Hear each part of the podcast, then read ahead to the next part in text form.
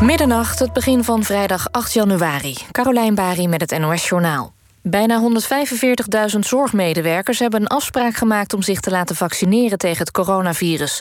Vanaf gisteren wordt al gevaccineerd bij de GGD's in Houten en Rotterdam. Vanaf maandag kunnen zorgmedewerkers ook terecht bij de GGD's in Amsterdam, Drenthe en Den Haag. Het vaccineren van acute zorgmedewerkers is naar verwachting begin volgende week afgerond. De druk op vicepresident Mike Pence en het kabinet om Donald Trump zijn macht te ontnemen wordt groter. Democratische leiders willen dat Trump onmiddellijk uit zijn ambt wordt gezet. Nancy Pelosi, de voorzitter van het Huis van Afgevaardigden, wil daarvoor het 25e amendement van de grondwet gebruiken. Ook de leider van de Democraten in de Senaat, Chuck Schumer, eist dat Trump wordt afgezet. Hij omschreef de gebeurtenissen gisteren in Washington als een opstand waar Trump verantwoordelijk voor is. Op 20 januari wordt Joe Biden al geïnaugureerd als president. Maar Pelosi en andere democraten vrezen voor meer chaos in de tussenliggende periode. De 11 miljoen inwoners van de Chinese stad Sichuan in de noordelijke provincie Hebei mogen hun stad niet uit. De miljoenenstad is in lockdown nadat er vandaag 120 nieuwe besmettingen werden gerapporteerd. Gisteren waren dat er 63. Slechts één besmetting kwam van buiten de stad, waardoor Sichuan nu de grootste cluster is van nieuwe besmettingen van het coronavirus in China. De autoriteiten in Sichuan hebben ook massatests voor alle inwoners van de stad ingevoerd, melden lokale media. De Britse zorg kan het aantal coronapatiënten bijna niet meer aan. Begin december lag het aantal nieuwe coronagevallen in Groot-Brittannië nog tussen de 10.000 en 15.000 per dag. De afgelopen dagen is dat tot boven de 60.000 gestegen. Premier Johnson kondigde daarom afgelopen maandag een nieuwe, zeer strenge lockdown af. Maar zorgpersoneel denkt dat die maatregel nu te laat komt. Het weer. Vannacht is het bewolkt met verspreid over het land wat regen. In de heuvels van Limburg is kans op natte sneeuw. De temperatuur daalt tot net iets boven nul. Morgen overdag staat er weinig wind, de regen trekt langzaam weg en het wordt dan een graad of 4. Dit was het NOS Journaal. NPO Radio 1. VPRO. Nooit meer slapen.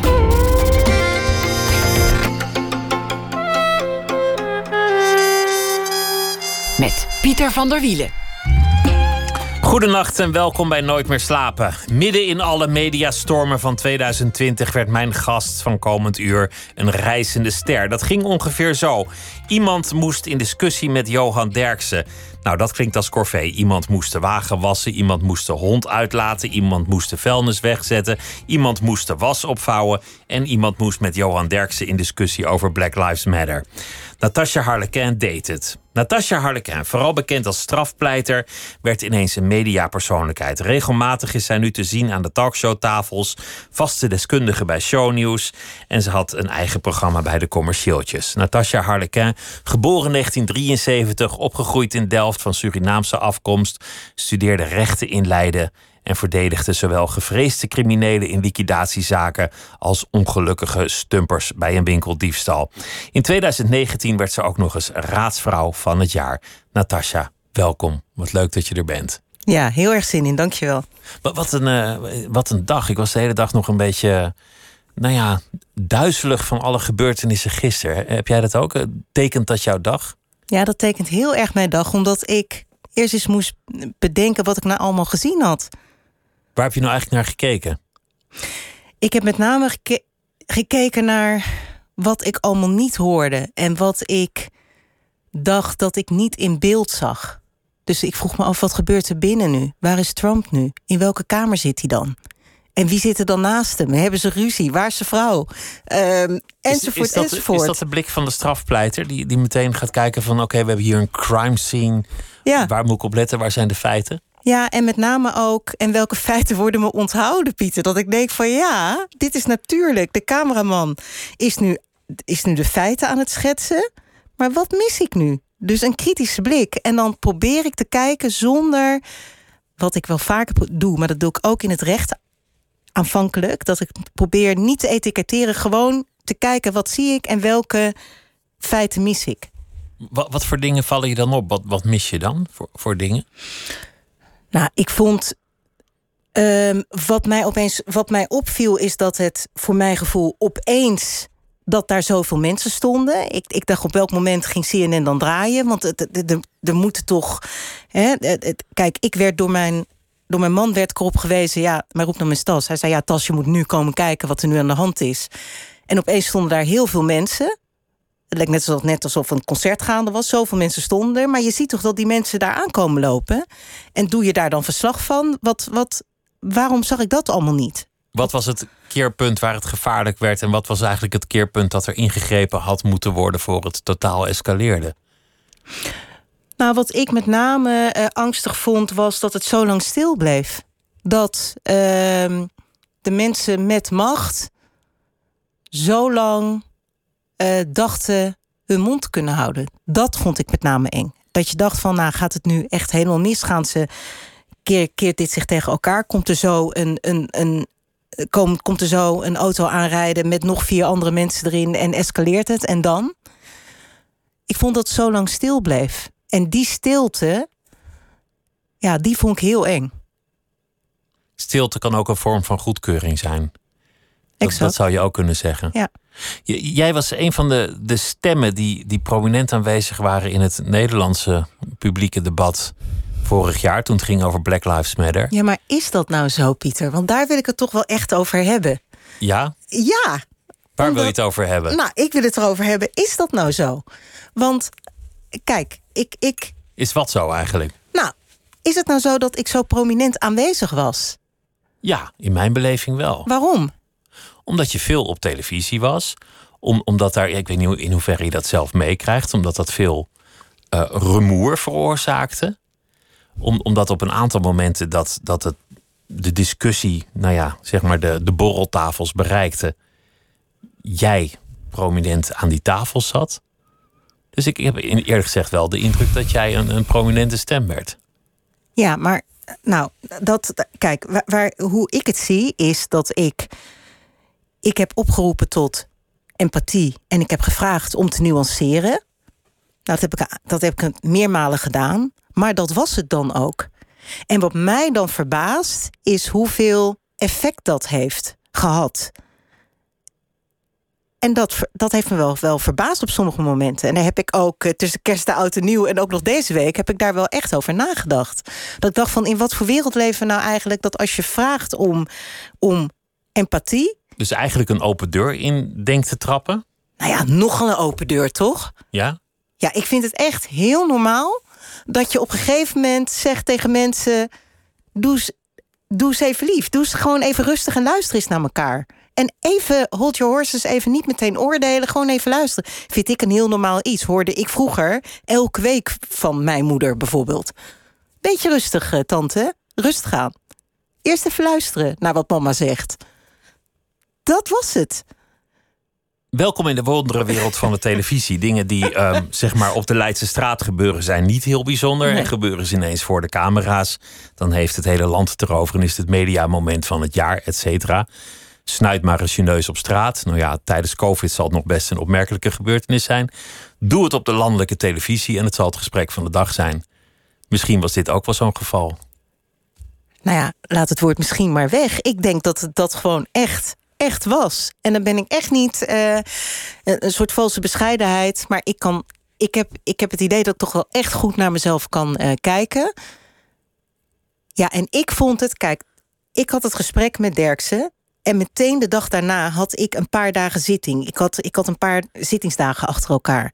Dus dan zit je, en dan moet je het zo zien. Ik zit gewoon in de zittingszaal alles moet uit. Niemand zit te wachten op telefoons die aan zijn. Die rechters vinden het allemaal irritant. Dat geluid zingt rond tijdens die zittingszaal of tijdens de zitting. Dus ik was gewoon bezig met mijn zitting.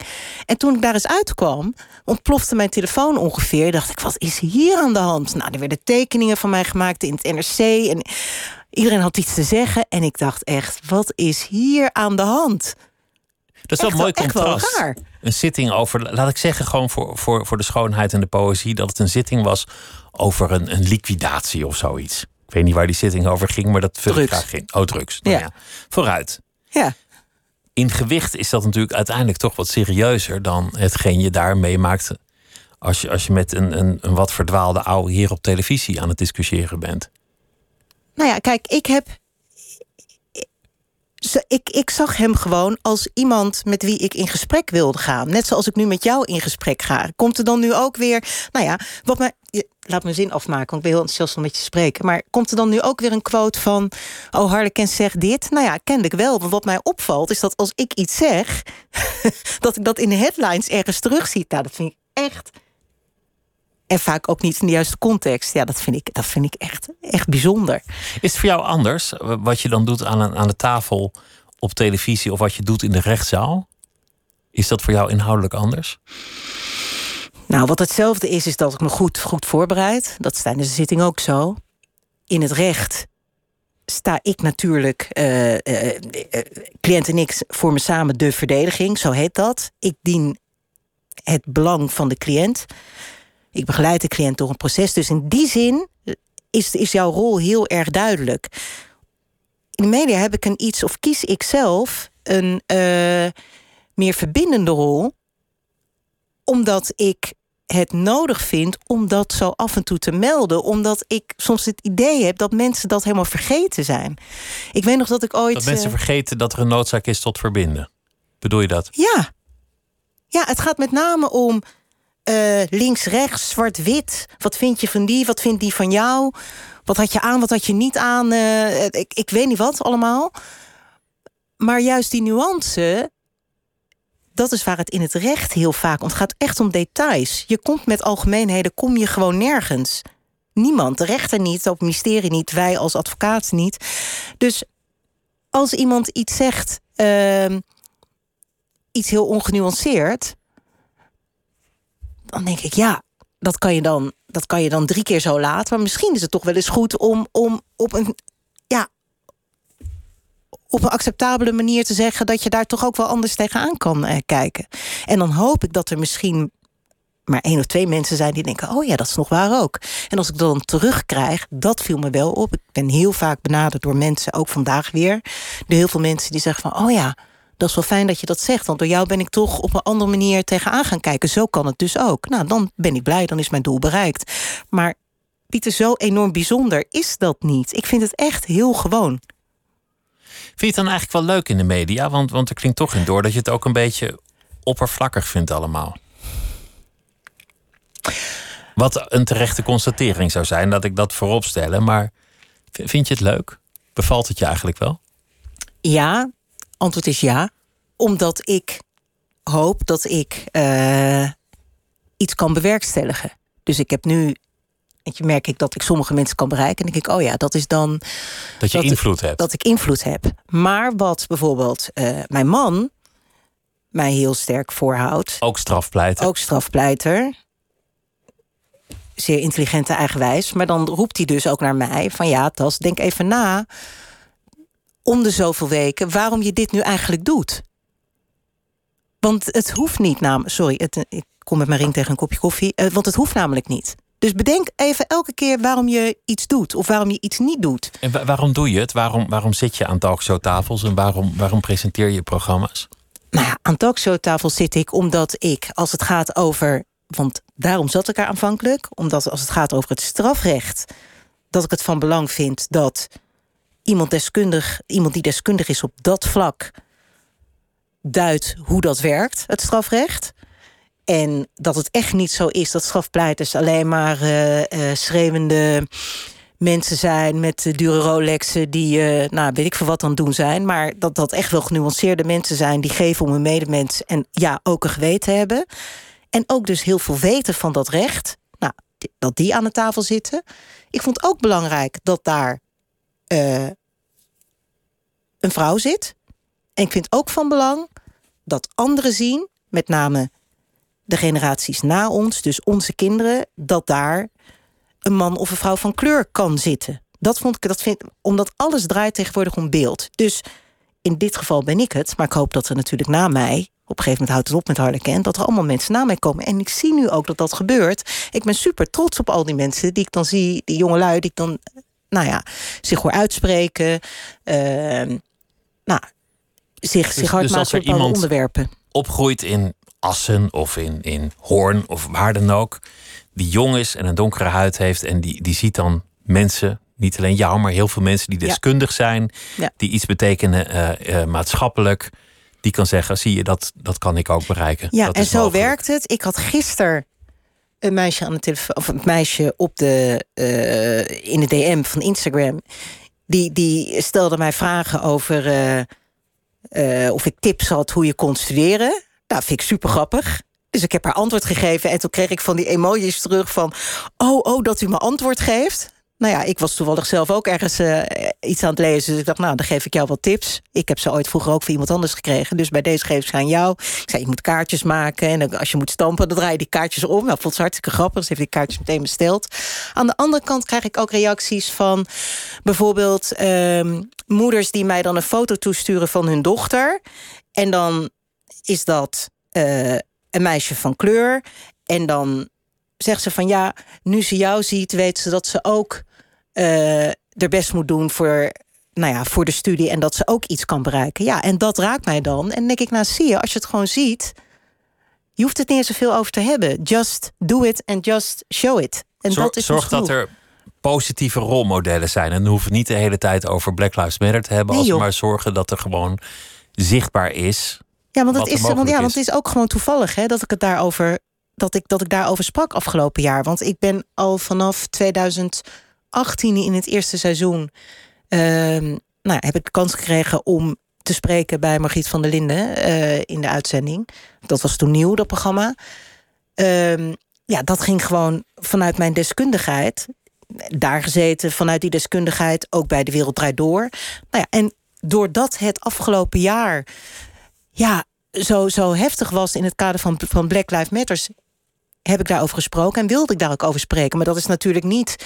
Ik, ik, ik hoor niet bij een politieke partij. Ik heb geen eh, hele achterban of bij een organisatie. Ik Je ben bent gewoon een ook- Je bent niet een activist of iets. Je bent gewoon iemand die eh, vanuit deskundigheid spreekt. En toevallig was dit een onderwerp dat, dat actueel werd. Exact. Zo, zo is het gegaan, in die, in die volgorde. Wat ik, wat ik nog wi- wilde constateren over, over gisteren. Ik, ik zag ook hier en daar wel verbazing bij andere mensen. Dat, dat er zo'n groot contrast is tussen dat politieoptreden gisteren. Zo terughoudend. Ja. Niemand gearresteerd, om maar eens wat te noemen. En de politie die wij van de zomer zagen bij verschillende betogingen rond Black Lives Matter. En, het, Ja. en vooral het optreden waarbij George Floyd eh, vermoord werd. Nou, en daar ga ik het volgende over zeggen. Ik ga dus niet vervallen in eh, vergelijkingen. Omdat ik vaak het idee heb dat zo iemand als Trump dat juist wil. Die wil juist polariseren. Die wil juist dat de Wij, scheidslijn... zij. Wij zij. En daar ga ik dus niet in mee. Ik ga daar expres niet in mee. Ik denk, ik, ik sta daar gewoon boven. Dus ik ga die vergelijking niet eens maken. Jij krijgt mij niet zo ver dat ik op die manier denk. En dat wil ik dus ook niet. Ik denk, next step. Wat gaan we doen vanuit hier? Wat zijn de democraten van plan? Wat zijn we in Nederland van plan? Volgende stap. Dat is helder. Al, al blijft het een, een opmerkelijk contrast. Zeker. Wat gisteren ook veel werd gezegd, eh, eigenlijk door, door zo'n beetje elke commentator. Dit hoort niet in een land als Amerika. Dit zijn beelden die zien we graag bij Afrikaanse landen of, of vroeger bij Zuid-Amerikaanse landen, et cetera. Eh, het woord bananenrepubliek werd, werd genoemd. Toen ik me vandaag voorbereidde op dit gesprek met jou, dacht ik, jij komt uit een gezin. Jouw ouders hebben meegemaakt hoe een democratie verkruimelde in Suriname. Ja. Wat, wat heb jij daar als kind van meegekregen? Wat hebben ze jou daarover verteld? Nou ja, dat je. Dat je ehm, mijn, mijn- kijk, aanvankelijk was het zo dat het voor die generatie soms ook wel beladen was om, het, om daarover te spreken. Het was Pijnlijk. pijnlijk, maar Traumatisch. ook traumatisch, maar soms ook wel gevaarlijk om daarover te spreken. Waar, waar spreek je waar over? Politiek lag gevoelig. Eh, de Surinaamse gemeenschap is een kleine gemeenschap. Wat hoe spreek je uit en waar spreek je uit? Nou ja, thuis werd daar natuurlijk gewoon over gesproken.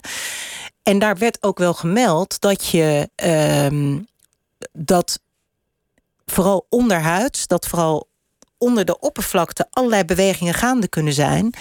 ehm, waar mensen geen weet van hebben. En dat dat nog veel gevaarlijker kan zijn dan wat je ziet. Dus ook daar speelt weer wat zie je en wat zie je allemaal niet. Dus uitspraken over Amerika dat ze zeggen van ja, ehm, dat verwachten we niet in, een, in, in zo'n land. Ja, juist natuurlijk wel. Juist wel. Zo'n uitspraak verraadt eigenlijk de mate waarin landen op andere landen neerkijken. En eigenlijk al die jaren hebben gekeken naar opstanden, Ja, revoluties en staatsgrepen. En dachten kijk, van, ach joh, Ja, en toch ook wel gekozen naïviteit. Om, en dan wil ik het woord dom vermijden. Dus laten we dan maar kiezen voor hashtag gekozen naïviteit. Ja, belachelijk. Ja.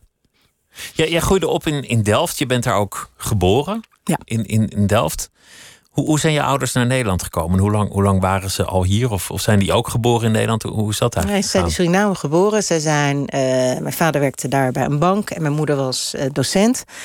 Ehm studie daartoe ook gevolgd. Toen hebben ze elkaar ontmoet. Toen ehm, mijn, mijn opa was daar eh, directeur van een vooraanstaande school in Suriname. En, en aan de kant van mijn moeder, haar familie, dat zijn veel docenten. Ehm, en mijn vader was eh, nou ja, het enige kind van zijn moeder. En ja, zij wilde met de diploma's die zij hadden, wilde ze gewoon een, eh, beter, een, een beter bestaan. Meer kunnen doen met de diploma's die ze hadden. En vervolgens zijn ze met de boot naar eh, Nederland gekomen. En ze hebben onderweg. We zijn eerst getrouwd, toen meteen de volgende dag vertrokken. Vond ik ook wel vrij eh, bijzonder. en ik heb nog altijd de koffer met de stickers erop. eh, van toen ze naar, eh, ehm, naar Nederland kwamen. En onderweg hebben ze Portugal aangedaan. En vervolgens zo in Nederland terechtgekomen. Dus die migratie was de huwelijksreizen zijn eigenlijk nog steeds soort van op huwelijksreis. Ja, ze, ze, ze waren op huwelijksreis. En wat ik dan mooi vond, was dat mijn oma al hier woonde. En mijn oma was een van de laatste personen die een, een aap... eh, de, de aap van mijn vader mee naar Nederland mocht nemen. Kees genaamd. En ook een, eh, zo'n heel grote schildpad mocht ook nog mee. Soesoe mocht ook mee. En ik ben dus opgegroeid Dat is nu allemaal streng verboden. is nu streng verboden. Maar wat ik dus... Soms denk ik wel eens erover na. Van ja, ik had dus vroeger en een tekkel en een cavia. En dan als ik naar mijn oma ging, was daar eh, eh, in het begin nog de aap en schildpad soesoe. Ja, niet helemaal... eh, niet en heel veel vogels, niet helemaal, niet helemaal normaal. Maar goed, zo was het. Ook een soort souvenir van, van Suriname, waar, Ja. het, waar het heel lang heel gebruikelijk was om een Ja. aap als huisdier te hebben. Ja, ja. Klinkt, klinkt wel als een heel intellectuele familie. Een, Ja. een familie van onderwijzers, eh, een familie waar studeren belangrijk is. Ja, en dat werd ook. Ja, dat werd ook verwacht. Het was gewoon niet aan de orde dat als jij gewoon. Kijk, als je het niet kon. Ja, dan kon je er ook niks aan doen. Dus, dus we, gaan niet, we gaan niet verwachten dat, je, dat als jij een. een- Ja, je hebt een bepaald intellect en daar moet je ook alles uithalen. Dus het is niet de bedoeling dat jij ondertussen bezwangerd ergens wordt of aan de drugs of. Nou, dat was gewoon niet aan de orde. Ik weet ook niet, Pieter, wat er gebeurd zou zijn als, als ik thuis kwam en zou zeggen van goh. Ik ben zwanger van Pietje, ik kan mijn studie niet afmaken. Nou ja, ik denk gewoon. Ik, ik denk dat ze allebei flauw zouden vallen. Nee, dat komt, dat komt die mensen echt, echt niet aandoen. Heb je gerebelleerd? Was je, was je wild? Als, als scholier? Nee joh, ik was wel, ik was wel, nee, ik, ja, ik moet, jeetje. Nee, ik was wel braaf, omdat ik wel altijd ook nadacht van, ja, als ik dit nu doe, dan kan dat wel eens, dan kan dat wel eens mijn, mijn toekomstbeeld in de weg staan. Want mijn vader kon altijd zo een bepaalde uitspraak droppen bij mij. Bijvoorbeeld, twee, eentje was met roken bijvoorbeeld. Dan zei hij van, want ik ben heel, heel erg, eh, nou ja, ook wel eens best wel eigenwijs.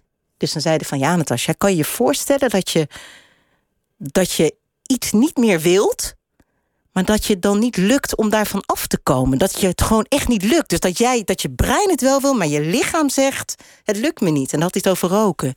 En dan ging ik naar mijn kamer en dacht ik... jeetje, dat zal mij toch zeker niet overkomen. Dat als ik iets, niet, dat als ik iets voor ogen heb, dat het me dan niet lukt. Dus dat was echt de beste remedie om, om... Ik heb echt nog nooit gerookt, dus dat was één. En een tweede was ook met eh, alles wat ik ging doen... dat mijn vader dan zei... ja, zo'n VOG, hè? Ja, die heb je gewoon nodig in de advocatuur. Let daarop. Nou, die heb ik onthouden omdat ik al vanaf mijn elfde wilde ik strafpleiter worden. Dus die, mijn vader hoefde dit alleen maar te zeggen. En toen dacht ik, oh, wacht even. Als je met de politie in aan- aanraking komt... of als je wordt opgepakt... ja, dan heb je een probleem. Dus een strafblad, dat zat er ook al niet in. Nee, joh. Nee, en ook dat hij zei: Ik kom je niet halen. dat ik dacht, wat een verschrikkelijke man. Nee, hij zegt dan: als je, als je daar zit, ik kom niet en je moeder ook niet. Je komt op mij nog steeds over als iemand die conscientieus is, die zorgt dat hij goed voor de dag komt, op tijd is, uh, aantekeningen gemaakt heeft, die, die eigenlijk niet graag er een zootje van maakt. Streng voor jezelf. Ja, en daarvan, ah, weet je, dat probeer ik. Dat lukt natuurlijk niet altijd. Omdat je altijd met onverwachte omstandigheden te maken krijgt. Waarvan je denkt, oh, moet ik dit nou weer oplossen? Of dat je jezelf echt ergens toe... Ja, of dat je te veel hooi op je vork neemt. Dat je denkt, ja, ik kan nog... Uh, ik heb nu een bespreking... en dan belt de cliënt met een verzoek tussendoor... en dan begint hij te praten aan de telefoon... en dan praat hij toch te lang... En vervolgens ben ik dan weer aan het rennen naar mijn volgende afspraak. Dat soort dingen. Dan denk ik, ja, Tas, dat moet je toch anders doen. Dat moet je anders. Ja. Dus toch de hele dag een stem van, van dit is eigenlijk niet iets wat jij moet doen te laat komen. Of dit had je beter moeten doen. Het moet nog beter. Ja. Ja, en dan met name dan, dan naar mezelf. Als iemand anders het tegen me zegt, dan neem ik dat aan en ik luister altijd. Maar ik vind het zelf het ergst. Ik denk zelf van ja, hm, moet, ik toch, moet ik toch anders doen dit moet beter. Ja, jou, jouw moeder was uh, ook jouw docent. Ja. Op, op, de, op, de, op de basisschool. Ja. Hoe, hoe is dat dan? Wordt er dan extra op je gelet? Nou, mijn moeder was een, en dat kan ik met name nu zeggen. Kijk, ze is, ze is overleden. Maar ze is ruim 40 jaar docent geweest. En omdat ik nu ook meer, uh, uh, nou ja, uh, in, in beeld ben, zijn ook veel mensen die nu contact met mij opnemen over, over mijn moeder. Um, en ik kan, en het is niet omdat mijn moeder is, maar ze was gewoon echt een docent in hart en nieren. Ze was gewoon echt een, ook inhoudelijk een heel goede docent. Dus dat heb ik zelf ook ervaren. Maar ook heel um, duidelijk. Maar voor iedereen in de klas en ook voor de ouders was dat geen enkel probleem. Als mijn moeder gewoon zei. Uh, mijn moeder kwam ook bij de mensen thuis. Um, elk gesprek kon zij aangaan. Om een voorbeeld te geven, ik weet nog ooit dat er een. Moeder had haar tas in de klas altijd. En uh, er was geld uit haar portemonnee gestolen. Niet zoveel, weet ik veel wat, uh, een tientje of zo. En toen was het gewoon zo aan het eind van de, van de, van de uh, dag was het van, nou, ik heb dus gezien vandaag, vanmorgen al, dat er een tientje uit mijn portemonnee is gestolen. En ik verwacht ik laat mijn portemonnee dus vandaag liggen op tafel, op mijn bureau. Ik ga naar huis. Die klasdeur is ook eerder open, morgenochtend. En ik verwacht dat dat tientje weer in mijn portemonnee is. Precies. En toen zei ze, letterlijk, ik hoor het nu nog zeggen... voor degene wie het aangaat, precies waar je het hebt gevonden... daar zet je het weer terug. Heel erg Surinaams, daar zet je het weer terug. en toen zat ik in die klas. En ik wist wie het was. En toen keek ik naar haar. Uh, en toen was het uh, voor ons uh, was de regel. Zodra wij het hek van dat schoolplein op, door opkwamen, echt zo'n ouderwetse school met zo'n krakend houten hekje, dan was ze mijn docent. Was ze dus ook juf. Ik moest er ook aanspreken met juf en met u. Maar dit was natuurlijk gebeurd bij de juf. En één ding had ik geleerd: je, gaat, je verklikt niemand. Je doet niet aan klikken.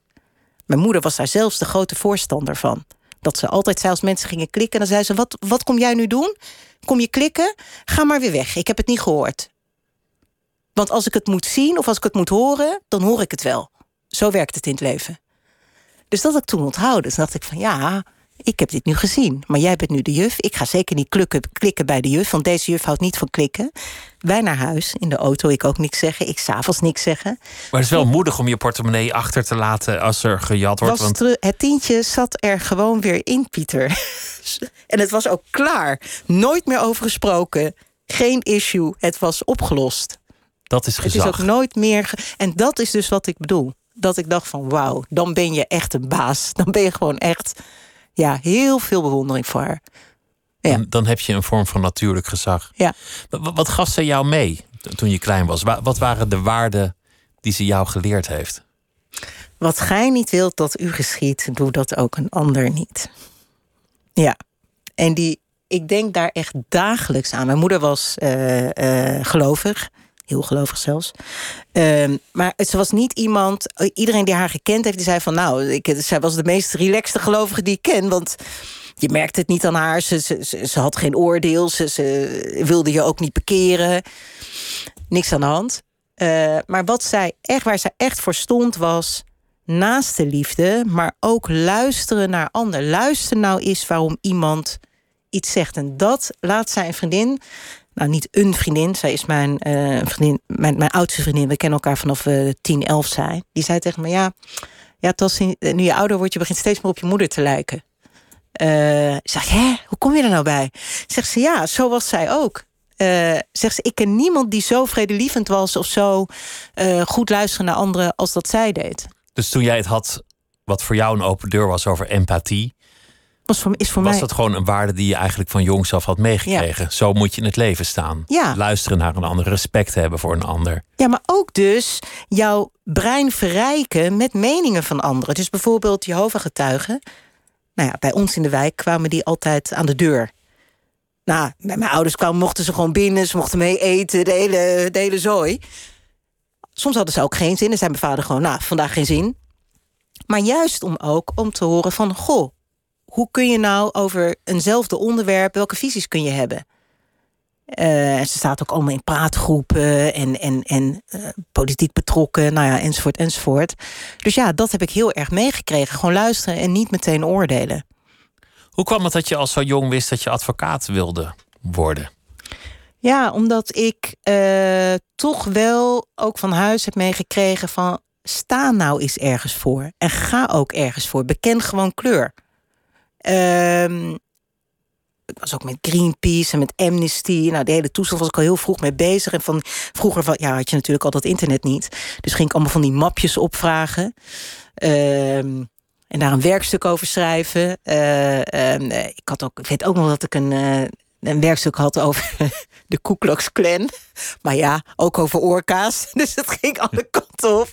Maar wat, wat wel zo was, is dat ik... nou ja, dat zat er al heel vroeg in. En ik weet nog dat ik... Vroeger had je die serie uh, Matlock. Ja, die, die weet ik nog. Ja. Nou, en wat ik dan zo apart vond... of wat ik zo bijzonder vond... is dat die advocaat was eigenlijk een andere advocaat dan de meeste. Met dat slonsige pak en uh, ook geen donkerblauw. En dan, en dan nou, ik vond het natuurlijk heel intrigerend, een lange man. En die altijd dan heel vriendelijk keek. Dus dat was ook eens een keer geen boze advocaat. Maar die ging altijd naar de plaats delict. Dus altijd waar een delict dan was, had, had plaatsgevonden... daar ging hij toch wel even langs met zijn assistent. En dat vond ik vrij bijzonder. En een keer zei mijn vader tegen me van... Uh, ik keek dat altijd bij mijn vader, het was ons moment. En dan zei hij van, ja, zegt hij... Uh, zij roept nou voor mij was Quenis, zegt hij... ja, hey Quenis, als nou... Uh, dat is nou bijzonder hè, dat hij dat doet voor die, voor die meneer die vastzit. Maar als hij dat nou niet zou doen, wie zou het dan voor hem doen? Want niemand staat aan zijn kant. Niemand is met hem. En toen legde mijn vader uit wat hij dan bedoelde met de term met iemand zijn. En daar legde hij uit, is dat je dus iemand bijstaat zonder dat je ook daadwerkelijk het eens hoeft te zijn met iemand, maar dat je dus het belang van iemand dient. Nou, dat vond ik zo prachtig. Dus toen was ik verkocht. En je hebt, je hebt gestudeerd in Leiden. Je bent ook, bent ook lid geweest bij, bij Minerva. Ja. Wat zich, althans het beeld dat ik ervan heb, moeilijk verhoudt tot de rechte lijn en het, het rechte pad dat je altijd in je leven gekozen hebt. Waarom, waarom zeg je dat? Nou, dat zeg ik omdat ik me eigenlijk niet zo heel goed kan voorstellen dat jij daar, daar elke avond dronken in de sociëteit staat. En, dat was ook niet zo. En op de bar. Dat, dat heb je allemaal niet gedaan. Nee, ik weet nog dat ik daar aankwam en ik had nog. Ik dronk niet. Uh, zelfs niet een. Wat, wat kon je daar nou ook krijgen? Een bessen, bessen gemixt met, met soda of zo. Maar dat, ik dronk gewoon geen alcohol. Gewoon principieel niet. Ik denk, nee, dat gaan we niet doen. Dat had ook weer meer mee te maken. Dat ik dacht, het zal toch zeker niet zo zijn dat ik de controle verlies. En dat ik dan niet meer weet wat ik gedaan heb. Dat gaat mij niet overkomen. Maar ik dronk gewoon niet. Niet voordat ik naar Leiden ging en ook niet daar. Nou ja, je kan je voorstellen, die hele ontgroening. Ik kreeg, ik kreeg alleen maar biertjes over mijn hoofd. Uh, nou ja, dat duurde drie weken. En toen was het toch wel duidelijk voor iedereen... Uh, deze mevrouw Harlekin, die uh, gaat gewoon niet doen wat wij, wat, wat wij willen. Dus we kunnen doen wat we willen, maar dat doet zij gewoon niet. Ja, toen was dat gewoon, toen was dat gewoon duidelijk. Dat pleit voor je, want dat, dat bewijst dat je onverstoorbaar bent. Ja. Dat je niet in groepsdwang meegaat. Nee, en dat heb ik ook nooit gehad. En ook vriendinnetjes of clubgenoten of huisgenootjes die ik nu spreek. Ik heb in twee huizen gewoond in Leiden. In een kleiner huis en daarna in, in het grootste studentenhuis eh, van Minerva dan. Zegt iedereen dat ook. Zegt iedereen ook van ja, je bent, je bent helemaal niks veranderd. Je bent in hoe jij je nu presenteert of hoe jij denkt... is gewoon echt precies hetzelfde als hoe jij in huis was. Ja. Voor een strafpleiter een goede eigenschap, want, want je staat iemand bij. Maar dat wil niet zeggen dat je, dat je meegaat in de manipulatieve dwang die er ongetwijfeld zal zijn van cliënten. Altijd. We, we hebben het hier over criminelen die ja, misschien om wat voor reden dan ook dichter of persoonlijker bij jou willen komen dan strikt noodzakelijk is. Nou, of soms is het niet eens bij mij willen komen, maar ze willen een bepaald doel bereiken. Dat is vaak ook waardoor ze in de problemen zijn gekomen. Of doordat ze eerst zelf niet zo dachten en door omgevingsfactoren hebben geleerd dat je als je mensen manipuleert, dat je daar toch wel ver mee kan komen. En laten we heel eerlijk zijn, in een heleboel bedrijven of overheden werkt het ook zo. Dus dat uh, gebeurt wel vaker. Maar bij mij is het heel duidelijk. Ik heb een zakelijk heel goede band. Maar ik leg wel de nadruk op zakelijk. We zijn geen vrienden. Ik ga niet met je eten. Ik wil ook niks van je ontvangen. Uh, en als iets voor mij niet goed voelt, dan is het dus ook gewoon klaar. En ik verwacht ook van die cliënt, als het andersom zo is, dat hij, hij of zij ook vrij moet zijn om dat aan mij te laten uh, weten of aan kantoor. Dat klinkt heel makkelijk, maar in praktijk lijkt het me toch dat je, dat je heel vaak in de buurt komt van glad ijs in die relatie met een cliënt. Nee, bij mij niet. En dat heeft ermee te maken dat ik uh, een moeder, een, een regel die mijn moeder ook had als docent. Op het moment dat ik dat hekje opendeed van, dat school, uh, van de school, was zij juf Harlequin. En niet mama. U, en niet mama. En bij mij geldt, ik ben mevrouw Harlequin. Ik ben dus niet Natasja Harlequin. Ze weten ook Geen voornaam. Geen voornaam. Ja, nu weten ze het. Dus ik heb soms ook. Nu je op tv komt en zo. Ja, krijg ik nu opeens dat, dat cliënten me aan. Hè? Heet u Natasja? Ze spreken mij ook aan met u. Er is ook niemand die zegt uh, jij. Dat is gewoon niet, niet aan de orde. Maar ik las dat je wel onderbroeken koopt voor, voor gedetineerden. Ja, want ze en, moeten natuurlijk wel een onderbroek hebben. En een schoon shirt en sokken ja. en een tandenborsteltje. Ja omdat ik denk dat als je, omdat ik dan denk, stel dat ik vast zou zitten. En men zou onderzoek moeten doen naar allerlei sporen. En, en stel, ik, ik zit onder de. Nou, ik, ik zat onder de bloedsporen en ze hebben dat allemaal veiliggesteld. En ik krijg zo'n papieren scheurpak aan. Maar uiteindelijk mag je weer je normale kleren aan. Maar dat ligt bij het NFI ter. Uh, voor, voor onderzoek. Dat zou toch wel fijn zijn als iemand dan ondergoed voor jou koopt of een joggingbroek. Nou, wat je vaak ziet, dat in die fase dat er niet altijd andere mensen jou spullen mogen geven. Ja, dan doen wij dat als kantoor. Mogen geven of willen geven? Is gewoon allebei, allebei. De ene kant, soms is het zo dat er beperkingen zijn. Dus dat een cliënt geen contact mag hebben met anderen behalve dan de advocaat. Ja, dan kan het gewoon niet. Maar soms merk je ook dat iedereen boos is. Iedereen is teleurgesteld. Vriendin uh, heeft het gehad. Moeder is zwaar teleurgesteld. Vader is nog, nog bozer dan boos. Ja, en dan moeten er toch kleren zijn. Het is dan een. Het is dan natuurlijk. Kijk, ik loop niet naar de PC Hoofdstraat en ga daar van alles kopen. Nee, wij gaan gewoon eh, naar de Hemel of de Zeeman en kopen daar een setje. Ja, een setje en dat is daar een receptie of zo. Nee, dus dat is het. Gewoon even wat uh, slippers erbij. Dat als je door die uh, petoet moet lopen, dat het nog een beetje te, te doen is. Dat je niet met je blote voeten daar doorheen hoeft te lopen. Dit is ook niet, dit is ook niet uh, elke maand aan de orde. Het is zelfs ook niet elk jaar aan de orde. Maar het is soms aan de orde. En dan uh, doen we dat. Ik, maar ook Takema en ook anderen van kantoor hebben dat in het verleden gedaan. Maar als het klaar is, als het proces voorbij is, dan, dan verbreek je de banden. Dan hoeven ze ook niet meer te bellen. Dan, dan is het gewoon afgelopen. Nee, ja, nee, zo werkt het toch, toch niet. Omdat mensen uh, in ieder geval aan mij vaak wel willen, we wil laten, willen laten weten hoe het ze vergaat. Dus soms krijg ik geboortekaartjes. Of is er opeens een, uh, een puntje appeltaart, wordt opeens bezorgd. op kantoor. Of iemand komt gewoon even langs, uh, zoals ze dat dan noemen, om te groeten. Gewoon even om te zwaaien. Of om de nieuwe liefde te tonen. Ook heel grappig hoe dat dan uh, gaat. Kijk, dit is mijn nieuwe vriendin. Dag, nieuwe vriendin. Ja. Dus dat is dan Ja, en, en zo door de jaren heen is dat, ehm, ja, is dat, is dat toch, wel, toch wel aan de orde. Dus je merkt ook in een mensenleven, sommige cliënten ken ik al ja, vanaf 2007 of, of daarvoor. En merk je toch ook dat, dat het ook goed kan gaan met mensen. En dat ook soms mensen weer vervallen in Dus de criminaliteit. Soms wel degelijk reden tot hoop. Het is niet alleen maar pessimisme van wie eenmaal van het pad afraakt, zal er altijd wel een beetje omheen slingeren. Nee, maar wat wel, wat wel duidelijk moet zijn bij een cliënt, en dat is wat ik uiteindelijk hoop dat er overblijft, is dat wat er ook is, dat hij eh, welkom is op kantoor, mits het natuurlijk eh, straf, strafrechtelijke kwesties zijn. En soms moet ik je wel zeggen, heb ik ook wel in de afgelopen jaren, en heb ik het echt wel over de afgelopen zeven jaar, zes jaar, ja, dat je, dat je soms wel denkt van ja, soms schuift het ook wel op dat je meer maatschappelijk werkachtige taken krijgt. En daar moeten we dan ook weer heel goed over nadenken. Dat je denkt, ja, hoe ver ga je, ga je daarin? Maar Dat soms kan je iemand ermee niet- helpen. Niet bezig bent met criminelen, maar gewoon met, met, met sukkelaars. Met mensen die buiten de samenleving zijn gevallen. Ja, of mensen die, die, die een stoornis hebben en die gewoon aanvoelen dat, ze, eh, dat het niet goed gaat, dat ze de zorg niet krijgen. En dat ik dan de vraag krijg: kan je mee naar een, naar een, naar een psychiater om daarover te praten? Dat ik toch wel echt gedwongen opgenomen wil, wil worden. Of kun je even extra bellen voor mijn medicatie? Ehm, kan je misschien bellen? Kan je, kunnen we misschien een gesprek hebben met mijn werkgever of die mijn contract toch kan verlengen? Ja, dat zijn allemaal dingen waar je heel goed over na moet denken. Hoe ver ga je erin? En dat je dan ook vooral bedenkt. En als ik het niet doe, ehm, hoe leg ik dat zo goed mogelijk uit aan de ander?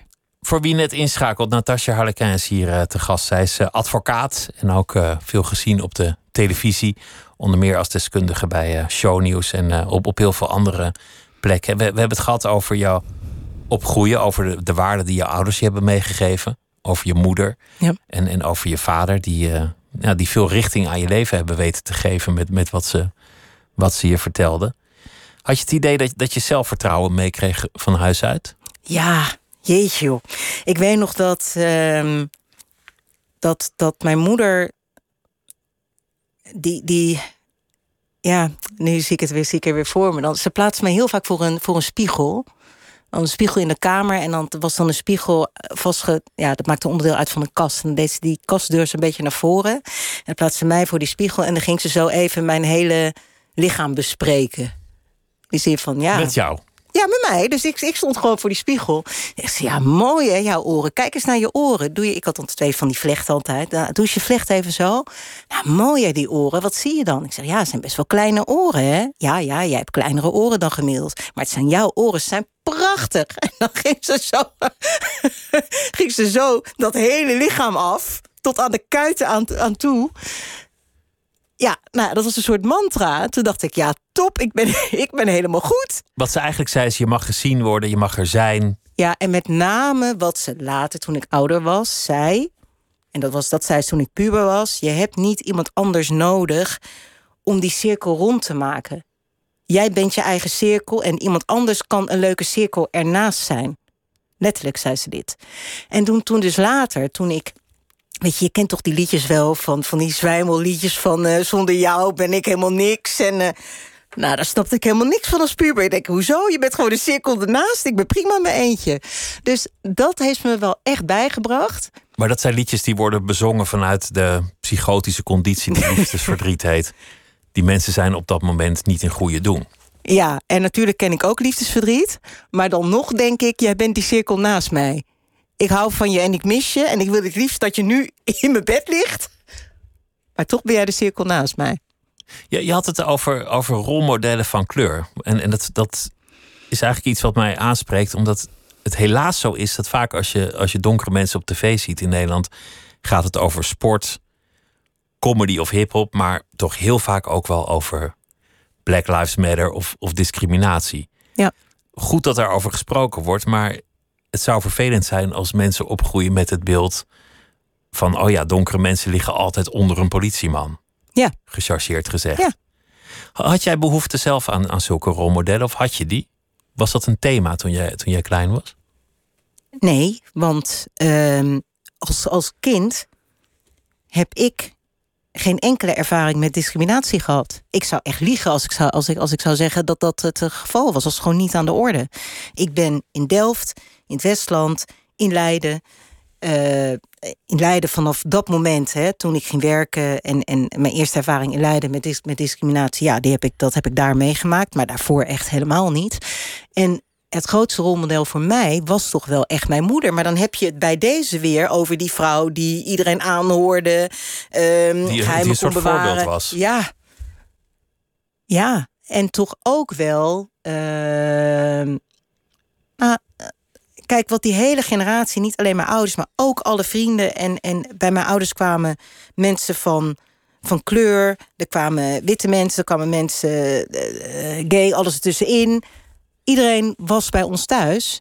Uh, het was, daar werd voor de rest ook niet over gesproken. Maar nu als ik er als ik eraan terugdenk, denk ik, ja, ik kom uit een, uit een gezin of een opvoeding en dat was allemaal heel inclusief. Maar daar hadden mijn ouders het helemaal niet over. Dat was gewoon, het was gewoon hun leven, zo, zoals het was.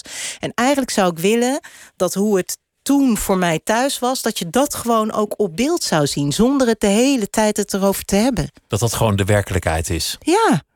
Maar dat het uitgangspunt natuurlijk wel is dat jij er zit omwille van je deskundigheid.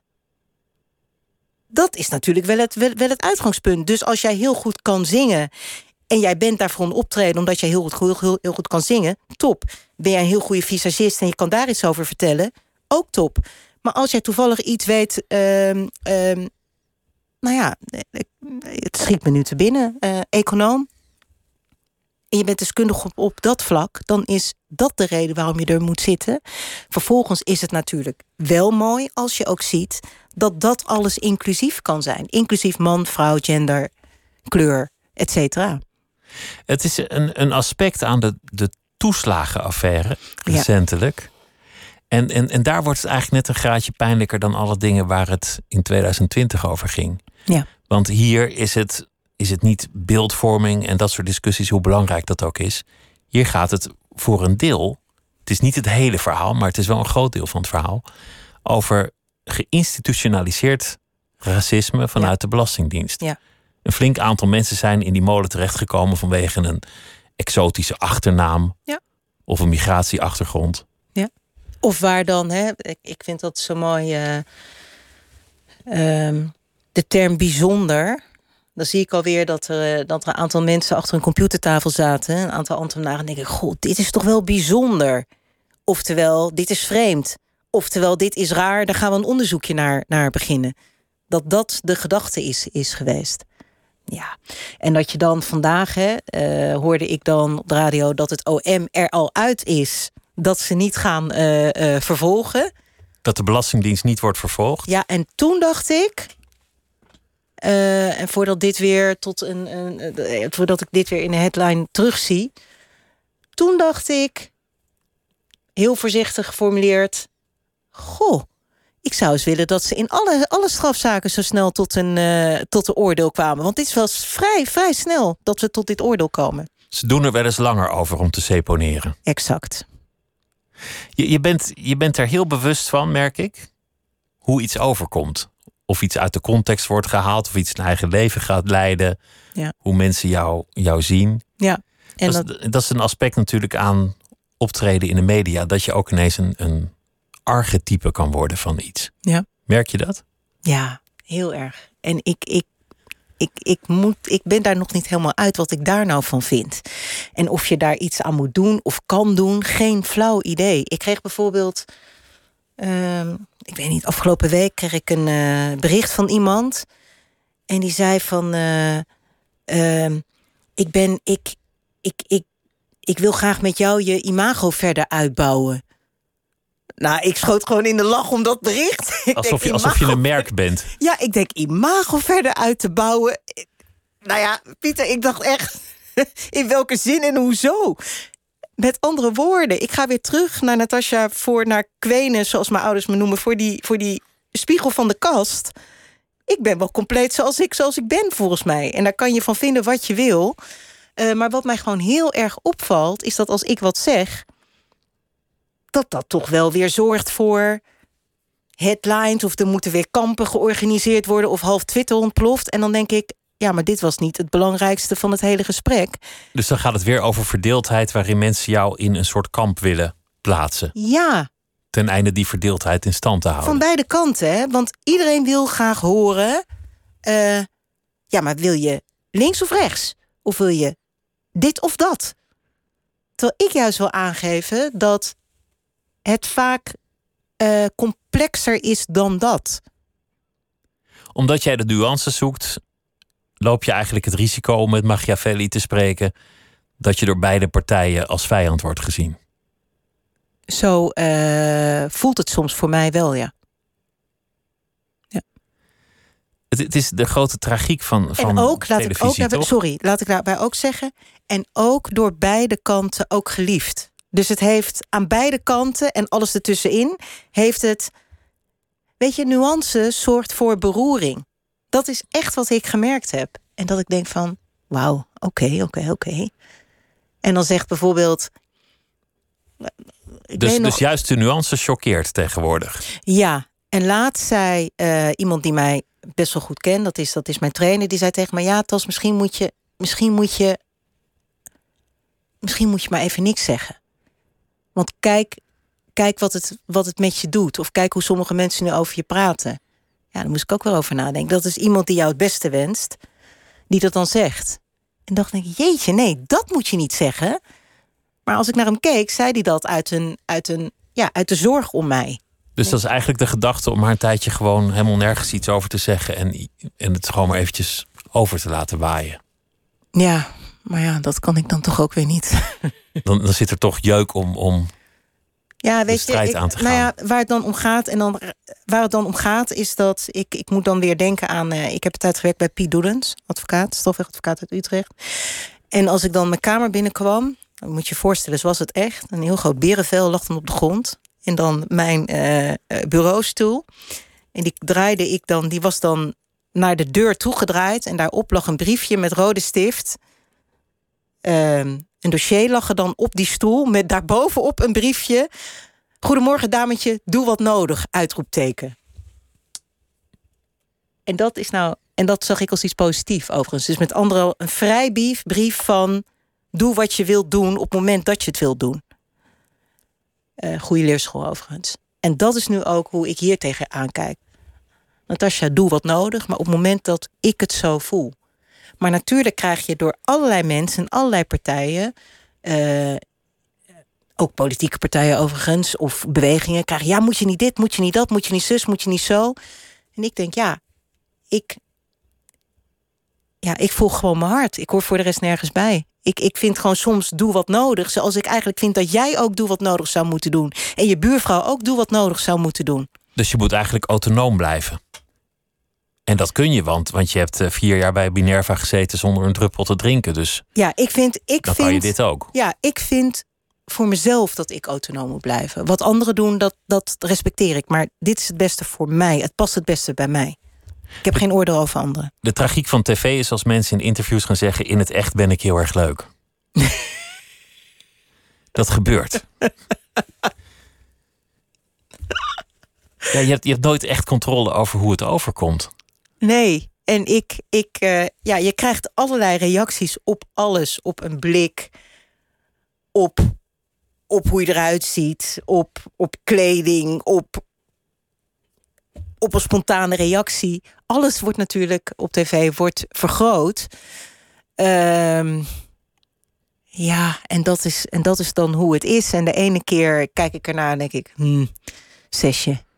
En de andere keer denk ik, nou, de- deze kwam wel goed over. En wanneer, wanneer vind ik het goed, is dat als de boodschap kernachtig en duidelijk en begrijpbaar en behapbaar, als, als ik dat heb kunnen melden, dan vind ik het goed. Dus het gaat altijd om inhoud boven wat voor leuk eh, kleedje ik aan heb. Ja, als je hebt nee? kunnen zeggen wat je, wat je wilde zeggen. Wat, wat is Ja. uiteindelijk in jouw bestaan echt belangrijk? Wie, wie zijn de mensen die er in jouw leven echt toe doen? Mijn man, omdat hij heel direct is. Ik kan me echt. eh, ik, kan, ik kan me soms echt groen en geel aan hem ergeren. Omdat ik dan denk van ja, jeetje. Je hebt het nu al drie keer gezegd, nu weet ik het. maar hij weet ook dat hij drie keer moet zeggen, omdat ik. Uh, en, en, en ja, het moet echt op mij doordringen. Um, om, mij ook te, om mij ook te bereiken. Ik kan, ik kan heel veel aan, namelijk qua kritiek. En je moet echt dicht bij me staan om ervoor te zorgen dat het me, nou ja, dat ik ook langer over, echt, echt langer over nadenk. Heel veel kan van me afglijden, omdat ik al zoveel hoor. Ook als strafpleiter, maar ook in mijn leven heb ik wel meer dingen gehoord. Dan denk ik, ja, dat zal wel. Veel informatie, dus hij moet een beetje strijden om ertussen te komen. Ja, ja. En, en ook de mensen die mij echt heel goed kennen. Dus op het moment, nou, ik geef, ik geef een voorbeeld. Uh, bij Dit Vindt Nederland waren er pilots. Nou, we hebben er vijf gehad of zo. Nou, dan is het natuurlijk heel belangrijk wat de coaches en de, eindredacteur en de hoofdredacteur om mij heen zeggen, want dat zijn de deskundigen. Maar ik vind het ongeveer het allerbelangrijkst wat, wat mijn man zegt op het moment dat hij die opname ziet. Omdat hij kijkt als toeschouwer, maar ook als persoon die mij heel goed kent. Dat zegt van ja, nou, dat echt helemaal niks hoor. Ik, oh ja, oh ja. Als, als hij had gezegd: dit moet je niet doen, dan, dan had je het ook niet gedaan. Nou, hij heeft van iets gezegd dat moet je niet doen. En daar was ik ook, als het door was gegaan. Sterker nog, ik heb dat ook aangegeven dat ik gezegd nou, dat, dat ga ik niet meer doen. Dat, dat past niet bij mij. Klopte. Ik dacht van ja, heb je, heb je gelijk in. Alleen ik kan er nu even niks aan veranderen. Zo, zo is het format nu even. Maar dacht ik ja, dan heb je gelijk en heb je ook meteen goed gezien. Dus dat is wel, ja, dat zag hij echt meteen binnen, binnen, twee, binnen twee seconden. Dat ik ja, knap. Ja. Dus, dus het uiteindelijk het belangrijkste voor jou is gewoon als je terugkomt bij, bij je gezin. Ja, en wat ik helemaal mooi vind, is met name de blik van ons kind. Die is gewoon natuurlijk heel. Uh, ja, die vindt dat, dat, zijn oordeel vind ik misschien nog wel het allerbelangrijkst, omdat het kind ook heel onbevangen is. Die kijkt en denkt van, ah, dat is wel heel gek hoor. Of ah, nee, dat is, wel, dat, dat is wel cool. Dus een kind kan zoiets zo onbevangen, maar zo to the point zeggen... dat je echt denkt van, jeetje, oké, hm, daar denk ik over na. En heel veel maatschappelijke issues of maatschappelijke punten... of hoe ik iets wil benoemen, bespreek ik ook met hem. Ik zeg even, even, even kijken hoe mijn uh, uh, meneer op de achtergrond dit nu allemaal ziet. is heel, heel interessant. Hoe oud is de meneer op de achtergrond nu? Elf. Elf. Ja. Dus, dus dat is net de leeftijd dat hij zich echt in de wereld gaat verdiepen en dat steeds meer dat een ding voor hem wordt. Ja. Een thema. Ja. ja, maar ook met name mooi om te zien wat vooral allemaal geen ding is in dat kinderbrein. Misschien vind ik dat nog wel mooier om, om te zien. Dat denk ik, oh ja, wacht even. Wat voor dingen zijn dat dan die er, die er niet toe doen? Uh, vergelijken bijvoorbeeld. Dus je, je, je hoort bij kinderen vaak niet. Oh, maar dat kamp vindt dat en honderd jaar geleden dat. Nee, kinderen denken vooruit. Dus dan is, de, dan is de gedachte. En hoe gaan we dat dan veranderen? Of wat kunnen we dan doen om dat aan te passen? Maar die gaan het niet vergelijken met die oude koeien 100, 100 jaar geleden. Nou, dat, dat vind ik dus wel bijzonder. Dat is eigenlijk ook heel wijs. Dat zouden we misschien met z'n allen wat meer moeten doen in 2021. Vooruitkijken. Ja, gewoon, gewoon kijken van, nou ja, oké, we staan nu hier. Waar zouden we eigenlijk willen staan ja. over twintig jaar? Ja, en wat mij heel erg opvalt is als er bijvoorbeeld iets is, dan is dat een heel, uh, zoals toen met uh, Van Louise, of er is dan nu iets met. Uh, nou, ik, ik, ik las iets vanavond op social media. Ik wist niet dat het aan de orde was, maar ik, ik, want ik krijg ook niet alles mee. Maar er was iets met een rapper Frenna en Linda Meijden. Het ging over een cover. Oh ja, van, van, van de Linda. Precies. Maar dat zijn jonge mensen allemaal. Nou, ik ben al 47, dus ik ben nog wel oud. Dus ik zit te kijken, hoe gaat die discussie nou eigenlijk? Nou, dan krijg je natuurlijk weer de kampen... en, en, en, en wie mag er wel of niet op een cover. En nou ja, je kan ook gewoon zoals de kleintjes dan denken... Ja, en hoe gaan we dat dan oplossen? Nou, dan doe je hem toch gewoon wel op een cover. Of je gaat toch een gesprek aan en je plaatst het online. Opgelost. Heeft iedereen ook weer wat geleerd? Punt. En door. Ja, dat vind ik dus heel grappig. En door. Ja, en door, ja. Dank dat je langs wilde komen. Het was me een uh, groot genoegen met je te praten. Natasja Harleken, dank je wel. En dit was uh, Nooit Verslapen. Morgen zit hier uh, Lotje IJzermans. Gaat in gesprek met Henk van Straten over zijn nieuwe boek... Ernest Hemingway is gecanceld. Goeienacht.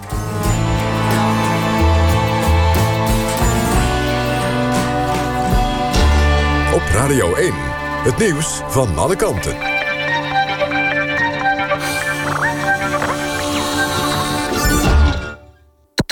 NPO Radio 1.